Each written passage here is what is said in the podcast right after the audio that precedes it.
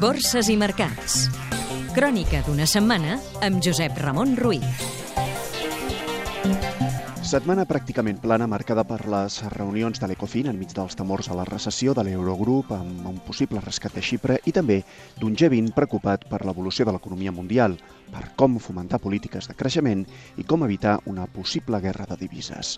Els inversors també han estat pendents de dos discursos. Un, el del president del Banc Central Europeu, Mario Draghi, en el Congrés dels Diputats a Madrid, i l'altre sobre l'estat de la Unió als Estats Units, on el seu president, Barack Obama, ha anunciat mesures per impulsar l'economia i reduir el dèficit públic.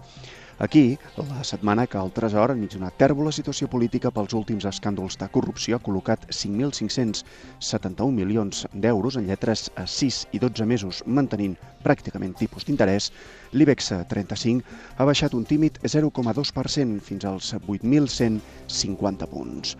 En l'àmbit empresarial, Iberdrola ha presentat uns resultats del 2012 que han superat les estimacions dels analistes després de guanyar 2.840 milions d'euros i Bankia s'ha desplomat en borsa més d'un 30% en només dos dies a l'espera d'una dura valoració. En un fet rellevant, el FROP ha dit que encara no ha acabat d'enllestir aquesta valoració, però els accionistes, diu, podrien registrar importants pèrdues com a conseqüència del seu sanejament.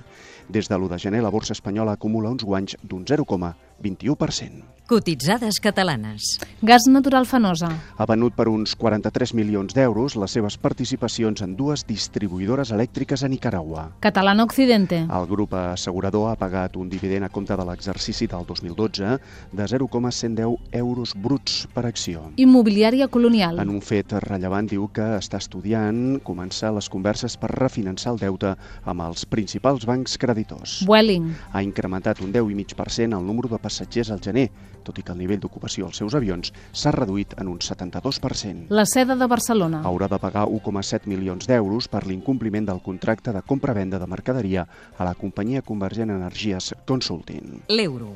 La moneda única s'ha depreciat lleument davant de la divisa nord-americana enmig de les veus que demanen frenar la seva elevada cotització.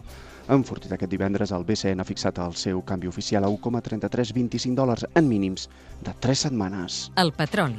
El futur del barril de cru tipus Brent, el de referència a Europa, s'ha baratit una mica, s'ha pagat al voltant dels 118 dòlars la setmana que l'Agència Internacional de l'Energia ha revisat lleument a la baixa les seves previsions de demanda mundial de petroli per aquest 2013 per les dèbils expectatives, diu, de creixement de l'economia global.